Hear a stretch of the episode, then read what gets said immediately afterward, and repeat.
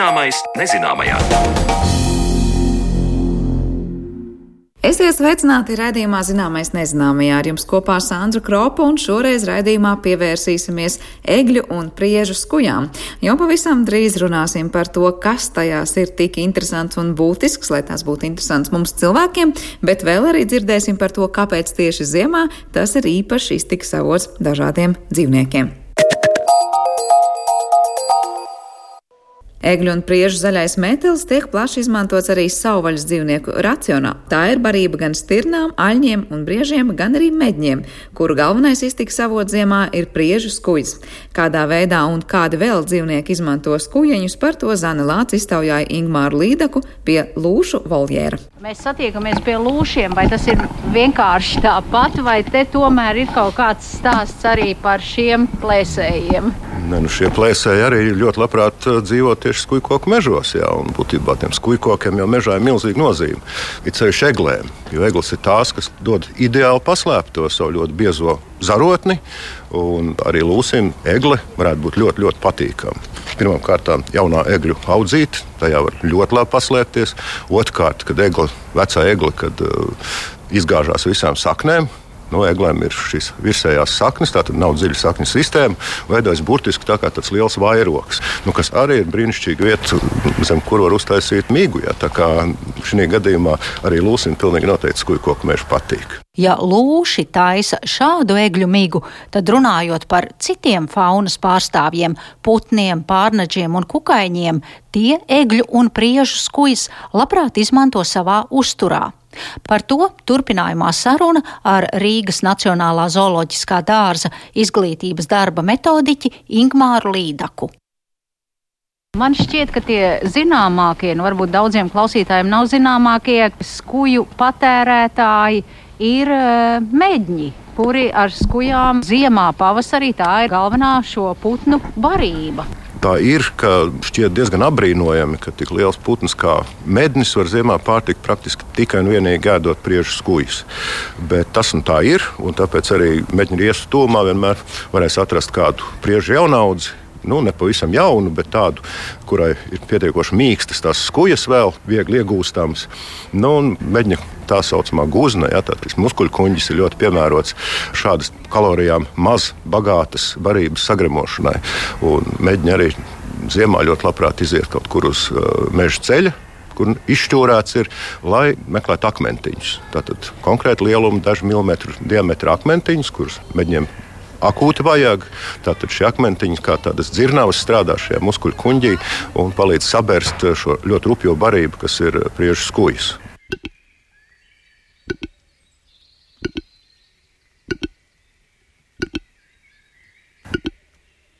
Tādi knikšķi ir raksturīgākā medņu tēviņu riesta dziesma, bet saistībā ar skujām, ko izmanto arī citi putni, pēc knikšķināšanas, tiesa, tā nav šī putna balss, var noteikt, kur likstuvī sev riekstrozis. Ir viena putnu suga, kas ļoti labprāt eh, taisa savu līgstu no egļu skujām, un tas ir rīkstrozis. Rīkstroža līgstu diezgan labi var pazīt pēc egļu zariņiem, zaļiem, kas tur salikti malās. Un labs paziņa, putnu pētnieks. Viņš pat meklēja, teiksim, rīkstrožu līgstas, ieiet egļu jaunaudzē un klausās knikt. Knikt, ārā rīkstrozis nolauzis eglis zariņu. Tā tad līgstē jābūt kaut kur tūmā. Turpinot pētīt, kuri ir tie dzīvnieki, kas skujas un skuju kokus lieto uzturā, Ingmārs Līdaka min visus Latvijas mežos mītošos pārnaģus. Skujkoki ir bagāti ar miecvielām, un līdz ar to diezgan daudz dzīvnieku kaut mazliet, bet tomēr iebauda vai nu sveķus vai skujas. Ja? Nu, tādi tā visēdelīgākie dzīvnieki, kuri ļoti daudz patērē uzturā tieši jaunos dzinumus, egļu prieži. Nu, tie ir visbriežveidīgie. Ja, Tātad stirnas, aļņi, brieži. To zina katrs mežkopis izaudzināt priežu jaunaudzes ir ārkārtīgi sarežģīti. Tieši tāpēc, kad ir klāta krietnes bariņš ar briežiem un apkoš galotnītes, ja, tātad, kur vēl stumbrs nav īsti izveidojies, nav vēl pārkoksnējies, ja, kur vēl diezgan mīksts ir šis stumbriņš jauniņais, šis dzinumiņš pagājušā gada. Ja. Nu, nu, līdz ar to, protams, nāks dažādi arī rūpēties, lai pasargātu šīs jaunaudzes. Nu, un ne tikai varbūt ēd šīs galotnītes, nu, ir arī sevišķi jau aļņi, mēdz uzplēst arī lielus, lielus garas mizas strēmeles, tātad būtībā sabojāt šo egli nu, uz visu mūžu. Tātad būtībā šīs miecvielas sveķi ir tas, kas viņiem arī ir vajadzīgs. Nu, kādreiz pie šiem kaitniekiem arī var pieskaitīt meža cūkas. Jo, ja tā pavērot dabā, vasarā meža cūkām ļoti patīk dubļvānas. Katrā gadījumā izrakta bedre, kurā sakrājies ūdens, ir ceļš tādā mālainā vietā, nu, ideāla vieta, kur meža cūka izvārtīties. Nu, šiem dubļiem nekādi kukaļi vairs cauri nekož. Nu, un, ja tā meža cūka tādu tiešām gruntīgu šo savu pirts vietu rīko, tad turpat tūmā būs kāda egle, kurai būs ar ilkņiem uzplēsta miza, lai pēc uh, pāris nedēļām būtu kārtīgi sasalojušies sveķi, nu, un tad tā meža cūka kārtīgi izguļās vēl tajos dubļos, un tad pieiet vēl pie šīs eglis un vēl ieberzē savā jau tā ar dubļiem pieķēpātajā vilnā, vēl ieberzē iekšā tos sveķus. Un tad nu, ir bruņas tādas uz garantiju, kur neviens dundurs cauri neizkodīs. Bet uh, cilvēki jau parasti ierauga tos lielos ēdājus, jā, bet uh, mazos ēdājus, kad ierauga, tad ļoti uztraucās. Un pie skujām tomēr mm, jāteic arī tas, ka ir gana daudz daudz uh, skūjko kaitēkļu, kas arī kādreiz mums ir pamanāmi. Un, ja mēs atceramies, nu, ka pirms kādiem gadiem, desmit, ja nemaldos, jā, tad braucot uz Siguldu no Rīgas, tur ap Garkalni, nu, praktiski stāvēja priedis kā tādi ērmi, jā, bez skujām, tāpēc, ka bija priežaudžu zaļlapsenes, kas bija savairojušās ārkārtējā daudzumā, un šie kāpuri bija nograuzuši tās skujas pavisam. Nu, protams, ja vienu gadu tas notiek priedē, tas nu, nav nāvējoši, tās skujas attaug, pareizāk sakot, ne skujas attaug, ataug jaunie dzinumi, uz kuriem ir skūjas. Bet, ja tas notiek tā regulāri, nu, tas ir liela problēma. Nu, arī ar šo pašu zaļlapseni bija savulaik problēmas arī pie Daugaupils kur arī Daugaupils piepilsētas meža bija nograusta gan arī pat tīroja. Tur šī invāzija bija vairāk gadu garumā. Tā kā nevienmēr tie lielie ir tie edelīgākie un tie skujas visvairāk patērējušie. Tikpat ēdelīgi un skujkoks postoši ir daži egļu izgraužu sugu pārstāvji, priežu pūcīte, priežu vērpējs un priežu sfinks, kuru kāpuri mitinās un arī barojas no šiem kokiem. Taču kukaiņu pasaulē attiecībā uz skujkokiem ir arī labdari, un tās ir skudras, kuras pūžņu veidošanā kā vienu no materiāliem izmanto skujas. Ar skudrām tur ir stāsts varbūt pat sarežģītāks. Skudras būvē savus pūžņus, protams, no jau atmirušām, vecām skujām, bet uh, skudrām ir diezgan liela nozīme arī šo jaunauģu sargāšanā no dažādiem kaitēkļiem. Skudras diezgan augstu eglītēs, priedītēs, kā pīcējuši priedītēs. Un arī tieši skudrs ir viens no tiem kustoņiem, kas sargā varbūt šo priedīti no zaļlapseņu kāpuru uzbrukuma. Ja, Tātad šī gadījumā skudrs ir ne tikai sanitāri, jā, viņas ir arī sargi. Vai Bet, tās skudras notiesā tos zāģlapseņu kāpurus? Jā, jā, jā, jā. Izmanto savai barībai. Jā, jā. jā. Bet turpinājumā pievēršamies Rīgas zooloģiskā dārza iemītniekiem, un arī te ir vesels bariņš tādu, kurus iepriecina egles. Eglīte, kas būs atvesta no meža, ar viņu kopā tiek atvesta arī meža smarža. Pērēna meža smarža, tas kaut kas interesants, jauns. Dzīvniekam nu, tomēr ir kaut kāda daudzveidība tam, ko viņš redz, ko viņš jūt. Viņa maņas tiek visas atkal sasprindzinātas, lai izpētītu, un liela daļa dzīvnieku šīs eglītes nevis patērē kā barību, bet vienkārši patērē kā rotaļlietu. Piemēram, ja? nu, tas arī ir tikai labi. Ja lauvām, piemēram, iemestu arēnā 4-5 eglītes, tad lauvām būtu tā diena diezgan priecīga. Būtu ar ko spēlēties, kamēr saplucinātu to egli, tikmēr miera nebūtu. Dzirdot šo ierakstu, daudzi klausītāji var padomāt, ka pēc svētkiem savas eglītes var atpušķot un nest uz zooloģisko dārzu. Taču Ingmārs Līdaka šādus piedāvājumus stingri noraida. Pirmkārt, tāpēc, ka nevar zināt, no kurienes eglis ir atceļojušas, un arī svētku rotājumu paliekas dzīvniekiem var būt bīstamas. Tas, kā nonāk šeit eh, pēc Ziemassvētkiem eglītes, tas ļoti vienkārši ir šie pārdošanas laukumi kuri netiek izpirkti. Nu, mums jau ir jau diezgan seni kontakti ar vairākiem šiem eglīšu audzētājiem. Mēs viņus pazīstam, viņi mūs pazīst. Līdz ar to mēs zinām, ko mēs saņemam. Mēs zinām, ka tā eglīte nav nu, apbārstīta ar kaut kādām ķimikālijām, lai saglabātu tās svaigumu, kas, piemēram, varētu būt, ja tā eglīte būtu vēsta nu, varbūt no Dānijas. Ja. Līdz ar to nu, tā eglīte ir tiešām kā no dabas nākusi. Ja šie eglīti nāk no dzīvokļa, mēs jau nevaram īsti zināt, kārtām, vai tur nav kaut kas pūsts virsū, kādi spīgulīši, kādi zaigulīši, vai tur nav kādas parafīna sveces lījušas uz tiem zariem virsū, kas varētu nu, nodarīt skādi dzīvniekiem. Ja. Līdz ar to mēs tiešām neaicinām vest tās eglītes. Mums tā eglīša tāpat ir gana no tā veduma, ko atved mums šie eglīšu audzētāji, savu nepārdoto eglīšu produkciju. Kā šīs eglis tiek izmantotas? Viens, es saprotu, iedod lauvām paspēlēties. Eglītes tiek ļoti dažādi izmantotas. Ir šie dzīvnieki, kas ir plēsīgie dzīvnieki, kam ļoti patīk ar eglītēm spēlēties. Ir tie paši ziemeļbrieži, kas kaut ko nokrimst, bet arī vairāk tur ir tāda berzēšanās un, un tāda ampelēšanās ap to eglīti. Nu, piemēram, kamieļiem eglītes arī ļoti garšo. Nu, viņi to eglīti ne tikai uzskata kā tādu jaunu elementu, ja, bet viņi arī pūlās viņu pagraust, arī priežu zarus ļoti labprāt kamieļi ēd. Tā kā kamielim šī eglīte ir arī diezgan stabila barība. Tā eglīte tiek diezgan spēcīga parīgi nograusta. Bet nu, liels, liels, protams, arī tur devums eglītē tas, ka tam kamielim nav tik vienkārši ar to eglīti, nav tas ierastais zars. Parasti viņš saņem teiksim, kārkla zarus, tā eglīte ir citādākas formas, un viņš paņem to eglīti aiz tā zariņa, mēģina to zariņu nograust, tā eglīte tur kuļējās, un eglīte tur krīt. Nu, līdz ar to arī kamielim kaut kāda interese dzīvē ir. Un, un diezgan daudziem dzīvniekiem arī pie pērtiķiem, kur arī tās eglītes tiek liktas. Negluži tāpēc, ka tur būtu daudz kas ēdams, nu, kaut ko viņi iekrimst, ja, bet lielā mērā tā eglīte ir kā rotaļlieta. Un nobeigumā kārtējo reizi atgādinājums, ka nevajag mežā augošu egļu zaros siet ābolus vai burkānus, jo pirmkārt, ja tās ir sintētiskās auklas, tās piesārņo mežu, un arī dabiskas izcelsmes aukliņas var kaitēt dzīvniekam, ka tas kārumu ēdot, tādās var sapīties vai aizrīties. Nu, šādā ziemā, kā šobrīd ir, jā, es pat teiktu, ka arī zīlītes nevajag barot. Šobrīd es domāju, ka visas stirnas, visa brieži ir tādā kondīcijā, kā nekad nav bijuši. Un līdz ar to, vai viņiem jūsu burkāni īpaši tur vajag, es teiktu, ka nē, jo viņi var praktiski pakrimst jebkur. Mežā var atrast sev barību. Viņi rēķina to, ka tie paši brieži kaut kāds 2,5 kg gadā vismaz jaunaudzes galotnītes apēdi. Ja? Nu, tad šobrīd tās viņiem pieejamas ļoti labi. Līdz ar to es drīzāk aicinātu, jā, ir laba doma pušķot eglīti, nenest viņu uz mājām, pušķot šo eglīti. Un ceļš tagad, Covid laikā, nosvinēt to Ziemassvētku vakaru, varbūt mežā pie uguns, kur tur, kur to drīkst darīt, ja?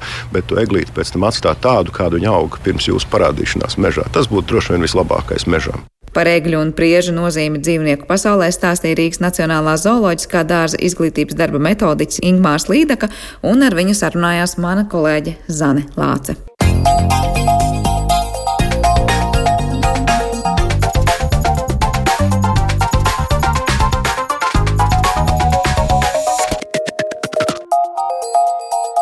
Zināmais nezināmajā. Ziemassvētkos skuju smarža ir īpaši jūtama, taču ko mēs zinām par skujām? Kā tās atšķiras no lapām un kādus labumus no skujām, kā cilvēkiem, tā dzīvniekiem un apkārtējai videi mēs varam gūt?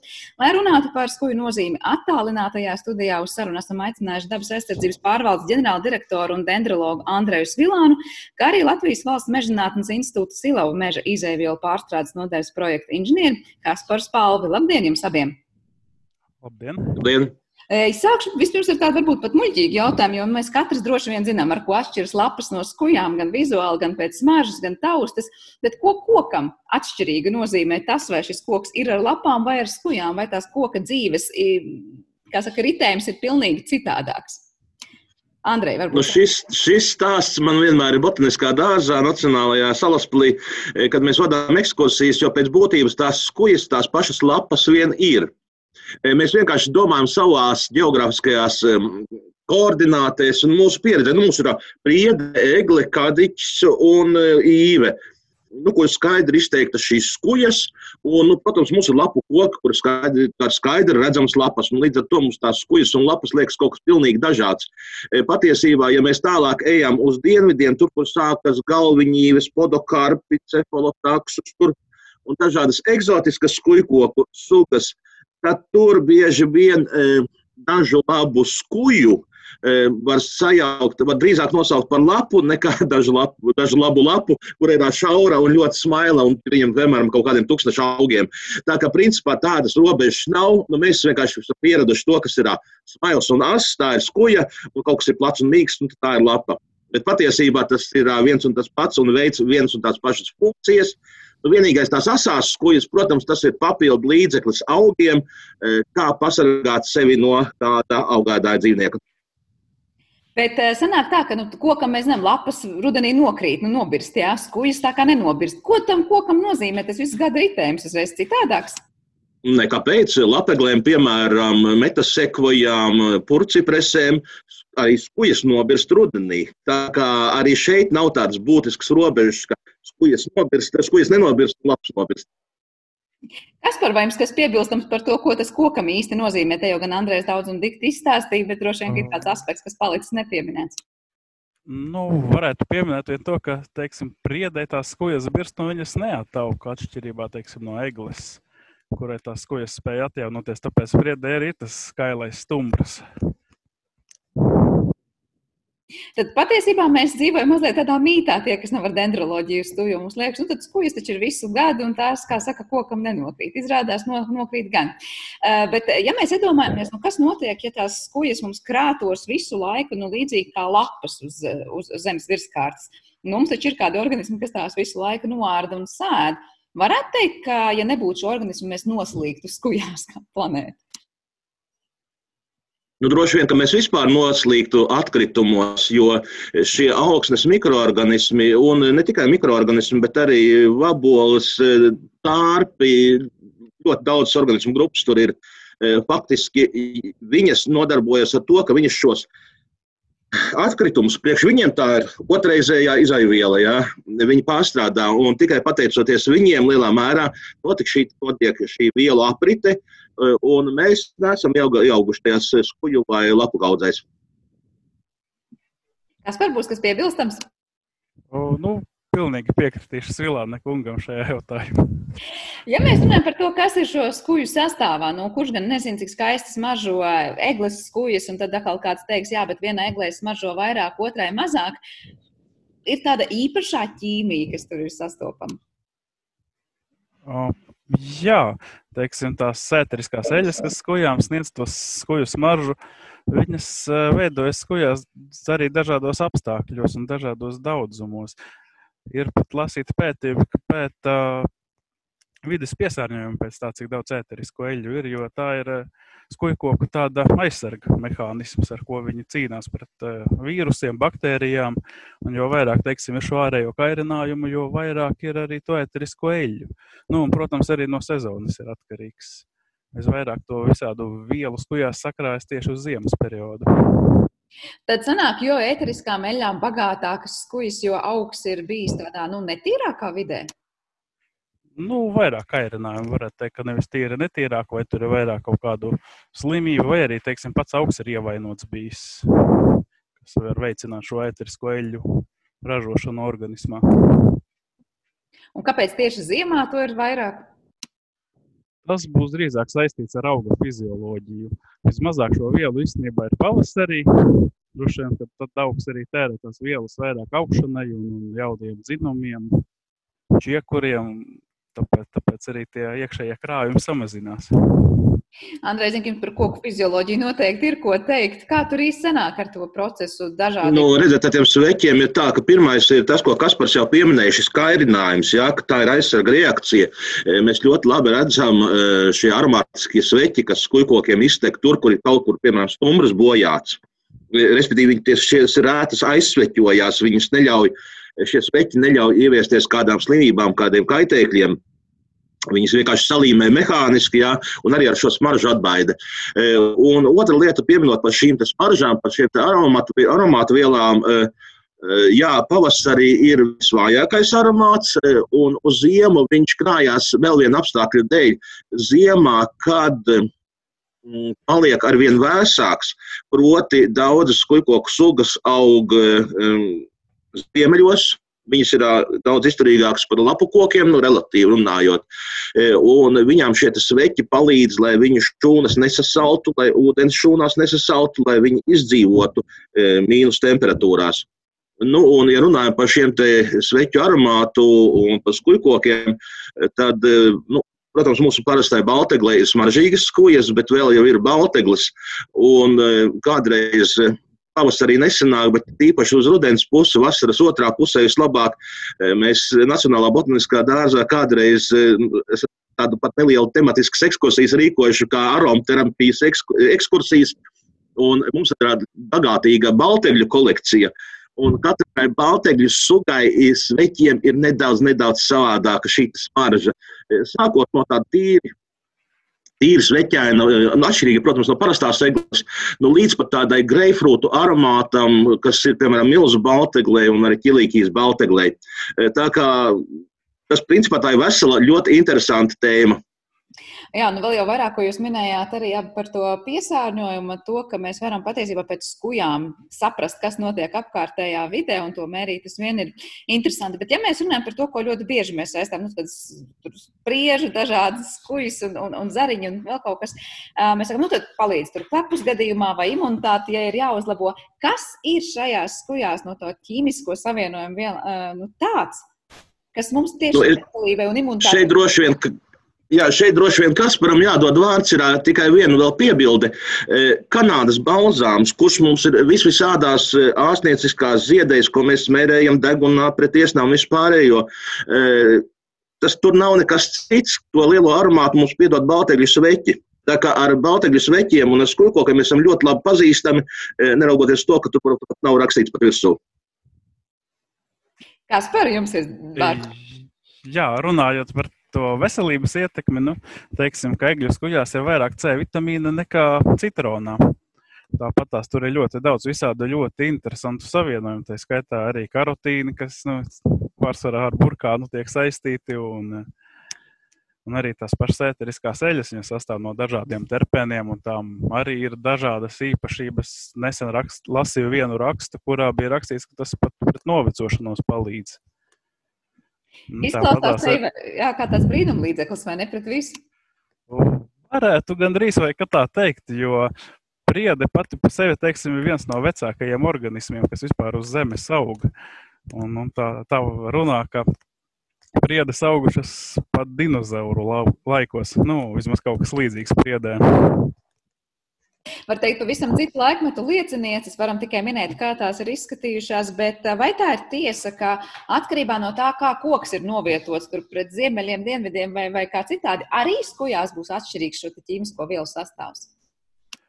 Protams, tur ir vesela virkne ar dažādiem kritērijiem, pēc kuriem tās vielas tur radās un kāpēc viņas tur būs vairāk vai mazāk. Tas pat arī saistīts nu, ar katra koka individuālo, to, cik viņš ir vesels, cik viņš ir uh, liels. Teiksim, visvairāk to vielu ir eglēm, priedēm, kad viņām ir kaut kur pie 50 gadi un vairāk.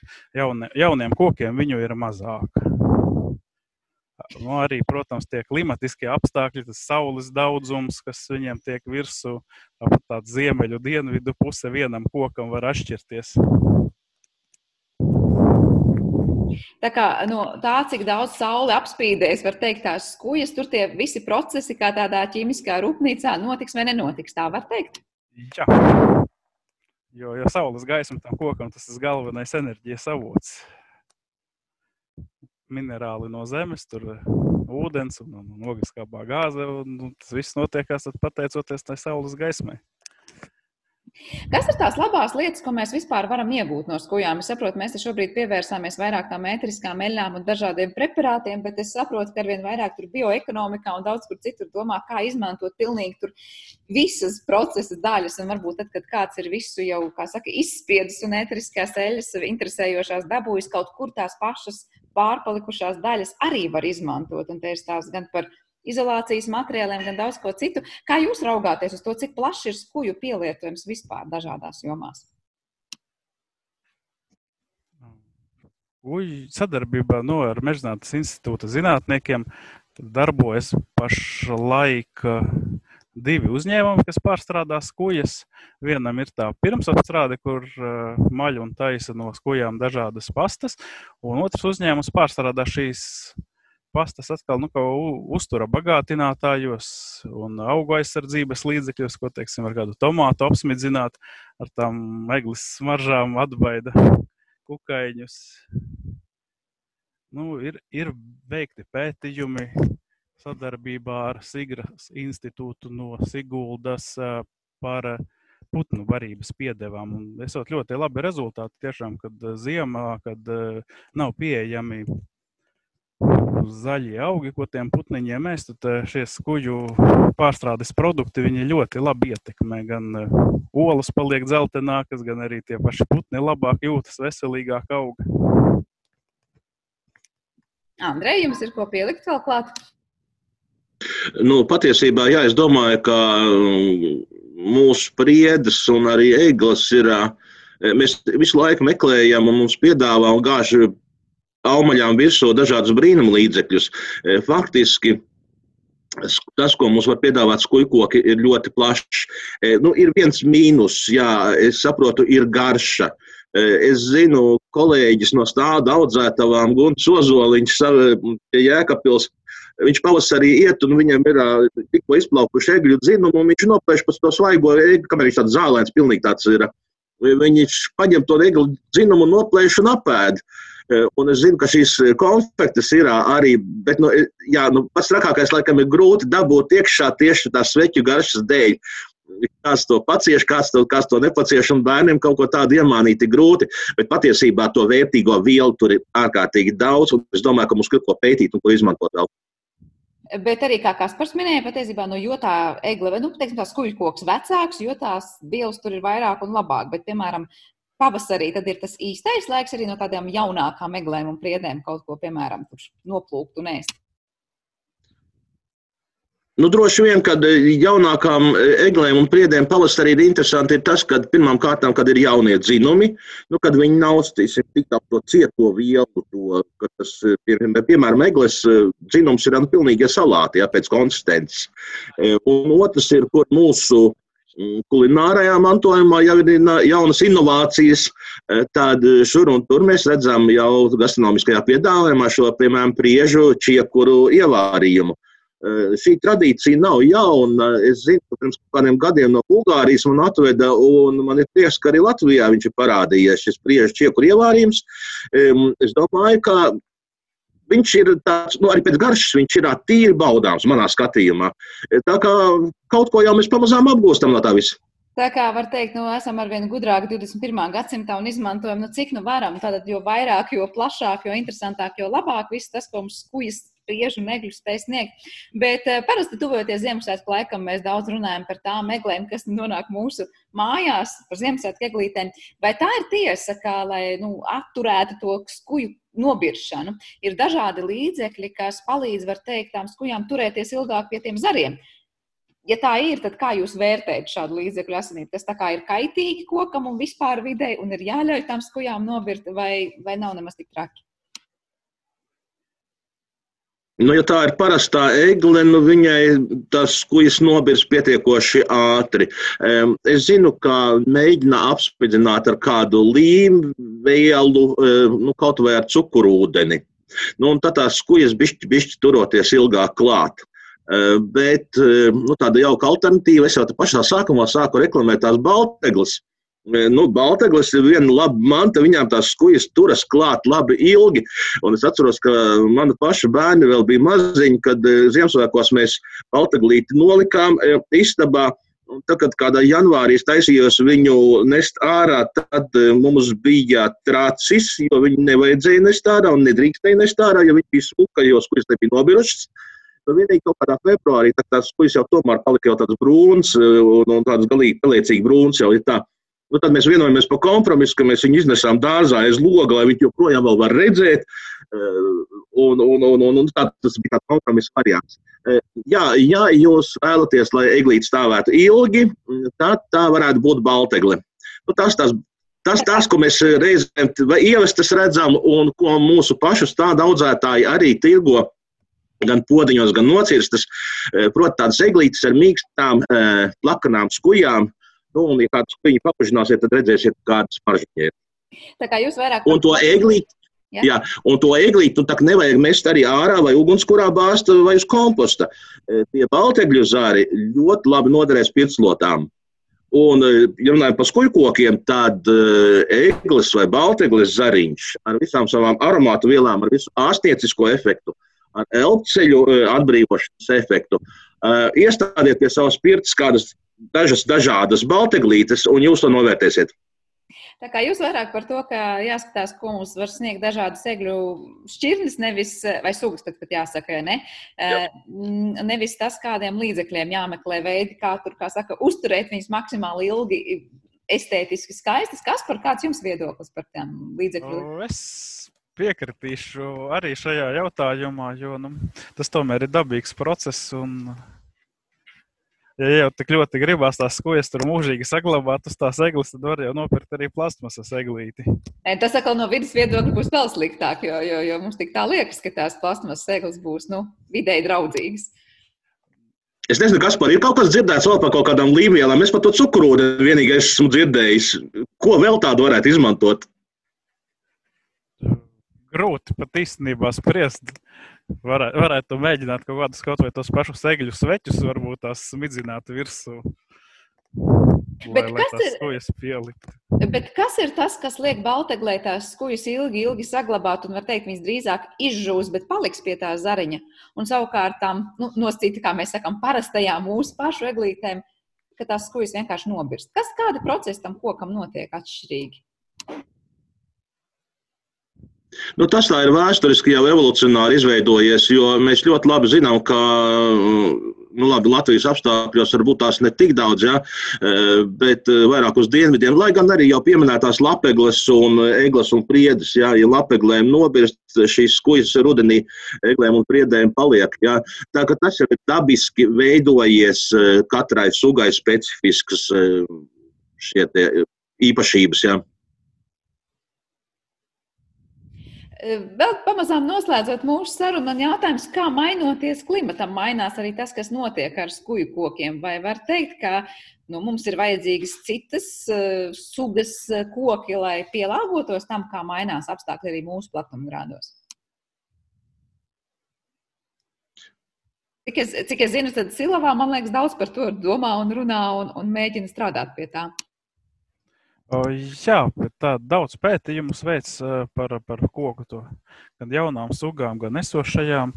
Bet, ja runājam tīri par skujkokiem Latvijas, kas, teiksim, arī tādi industriālie, tā ir egli un priede, tad, nu, pagaidām tās izmaiņas tā neskar viņas tik ļoti, lai viņas vajadzētu mainīt pret kaut ko citu. Tomēr šie koki ļoti labi pielāgojas pašiem apstākļiem.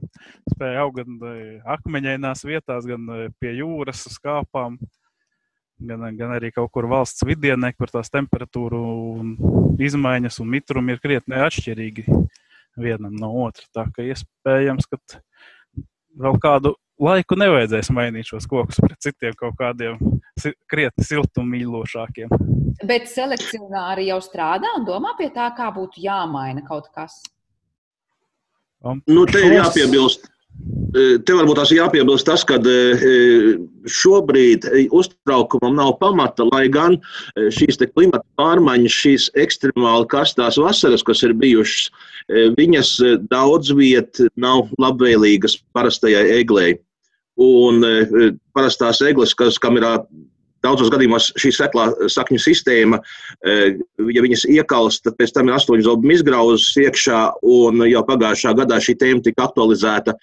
Tā kā nākotnē mēs, protams, e, problēmas varam sagaidīt, un mums ir jādomā par to e, arī, ko nākotnē, ja šīs klimata, problēma, ja šīs klimata pārmaiņas notiks, protams, ko mēs liksim vietā. Bet šobrīd turas gan prieda, gan egle. Tā skatāmies, kas būs tālāk. Bet tā kā jūs teicāt, tas, kas notiek vasarā, tas ļoti ietekmē to, kā tas koks jūtas visu pārējo savu dzīves un varbūt jā, tiešām visas dzīves laiku. E, nu, protams, ja, ir, ja vasarā eglei ir izkautušas saknes un tomēr viņai šo mitrumiņu vajag, ja, e, tad, ja koks ir novājināts, pēc tam jau viņš kļūst uzņēmīgāks pret kaitēkļiem. Tur tā, tā problēma ir. Ja pēc tam būs tur stipras lietavas vai, vai pat plūdi, tas neko neuzlabos, tas tikai pasliktinās situāciju. Ja mazās saknītes būs aizgājušas bojā vai stipri traumētas, eh, tad eh, pēc tam tās līdzināšana nelīdzēs. Kas par kāds jums redzējums par to, kā tas, kas notiek dažādos gada laikos, visu gada garumā, ietekmē tos skuju kokus un ko darīt un ko nedarīt? Nu, skuju koki jau paši pielāgojušies tie gada laiki. Jā, karstās vasaras, protams, bojā tās seglis, bet uh, diez vai ka cilvēks var kā viņām īsti palīdzēt tā augt mežā kaut kur, varbūt tās ir pie mājas, tur tad savādāk. Ja tās ir piemājas seglis, ir kaut kas, ko būtu jāliek aiz auss, audzējot tās. Iglai vairāk patīk skāba augsne, teiksim, izvēloties mēslojumus vai, vai, vai stādot eglis, tas varbūt būtu jāņem vērā. Tas, ko noteikti daudzi klausītāji pēc Ziemassvētkiem domās darīt, eh, pēc tam, kad ir iegādājušies, piemēram, eglis potiņos, proti, pēc tam tās pārstādīt tālāk dārzos. Eh, kādi ir tie iemesli, kāpēc tās var neiejaukt? Un varbūt jūsu ieteikumu, ko noteikti nedarīt, lai, lai, lai, lai nekaitētu tām eglēm? Nu, pats pirmais droši vien ir tas, to nosaka tas, cik kvalitatīvs tas eglis stāsts ir. Jo, nu, godprātīgā stāda audzētavā tas stādiņš jau tajā podā būs iestādīts laicīgi ar normālu sakņu sistēmu. Nu, ja tajā podiņā būs iesprausts stumbenis bez blakus saknēm, nu, tad nekāds plāksteris tam mironim vairs nelīdzēs. Tas ir viens. Otrs, kas noteikti ir jāatcerās, ka eglītēm un arī balteglītēm, nu, viņām patiks eh, vēsa, mitra telpa. Mūsu dzīvokļi parasti ir kādi, karsti un sausi. Eh, nu, tā tad, eh, ja mēs esam nopirkuši eglīti vai baltiglīti podiņā, tad mums ir savs dzīvoklis, nu, tad jo mazāku laiku, īsāku laiku šis podziņš ar eglīti vai baltiglīti tur atradīsies, jo eglītē vai baltiglītē būs labāk. E, otra lieta, ko vēl var mēģināt viņai līdzēt, proti, ja jums ir mājās pulverizators un droši vien, ka gan jau tāds atradīsies, nu, tad nolieciet viņu blakus eglītē un e, ejot garām, apmīļojiet viņu ne tikai ar skatienu, bet arī ar nelielu šo dušiņu. E, tas arī palīdzēs viņai izdzīvot. Nu, tad, kad svētki ir beigušies, tad iznesam vai nu uz balkona, vai vēl labāk, ja ir dārzs, Ja zeme nav sasalusi, podu ierokam zemē, eh, nu, ja ir uz balkona jātur, nu, tad vismaz aptinam kādu vecu segu, kaut kādu vecu, nezinu, matrāts, kaut ko tur apkārt. Eh, ja gadījumā iestāsies eh, stipras saules, lai sakņu kamols, lai pots necaurs saules cauri. Nu, un tad pavasarī varam mēģināt stādīt ārā. Nu, mana paša pieredze rāda, ka kādā vienā trešdaļā gadījumu tīri veiksmīgi ieaug. Ja? Eh, bet, nu, protams, tā ir iespēja, bet ne garantija. Ja? Noteikti nevajag cerēt, ka viss simtprocentīgs iznākums būs pozitīvs. Jā, nu, ko es ceru, ka tas daudziem tiešām nebūs tā, tāds klupšanas akmens, tā teikt, oi, man neieaug eglīti, un es tikai, tu, tikai tāpēc vienu podziņu eglīti meklēšu, pēc tam noteikti to audzēšu. Tātad tas klāsts, no kura izvēlēties eglis, būs gana plašs, un galvenais, tātad, kamēr tās ir mūsu siltajos dzīvokļos, uzturēt tās gana ērtā, tām ērtā vidē. Teikšu jums lielu paldies par šo ieskatu gan tajā, kas notiek ar egļu saknēm, gan skujām, un atgādināšu mūsu klausītājiem, ka šajā raidījuma pusstundā mēs mūsu attālinātajā raidījuma studijā dzirdējām dabas aizsardzības pārvaldes ģenerāla direktoru un dendrologu Andreju Svilānu, kā arī Latvijas valsts mežzinātnes institūta Silavu meža izēvielu pārstrādes nodaļas projekta inženieri Kasparu Spalvi.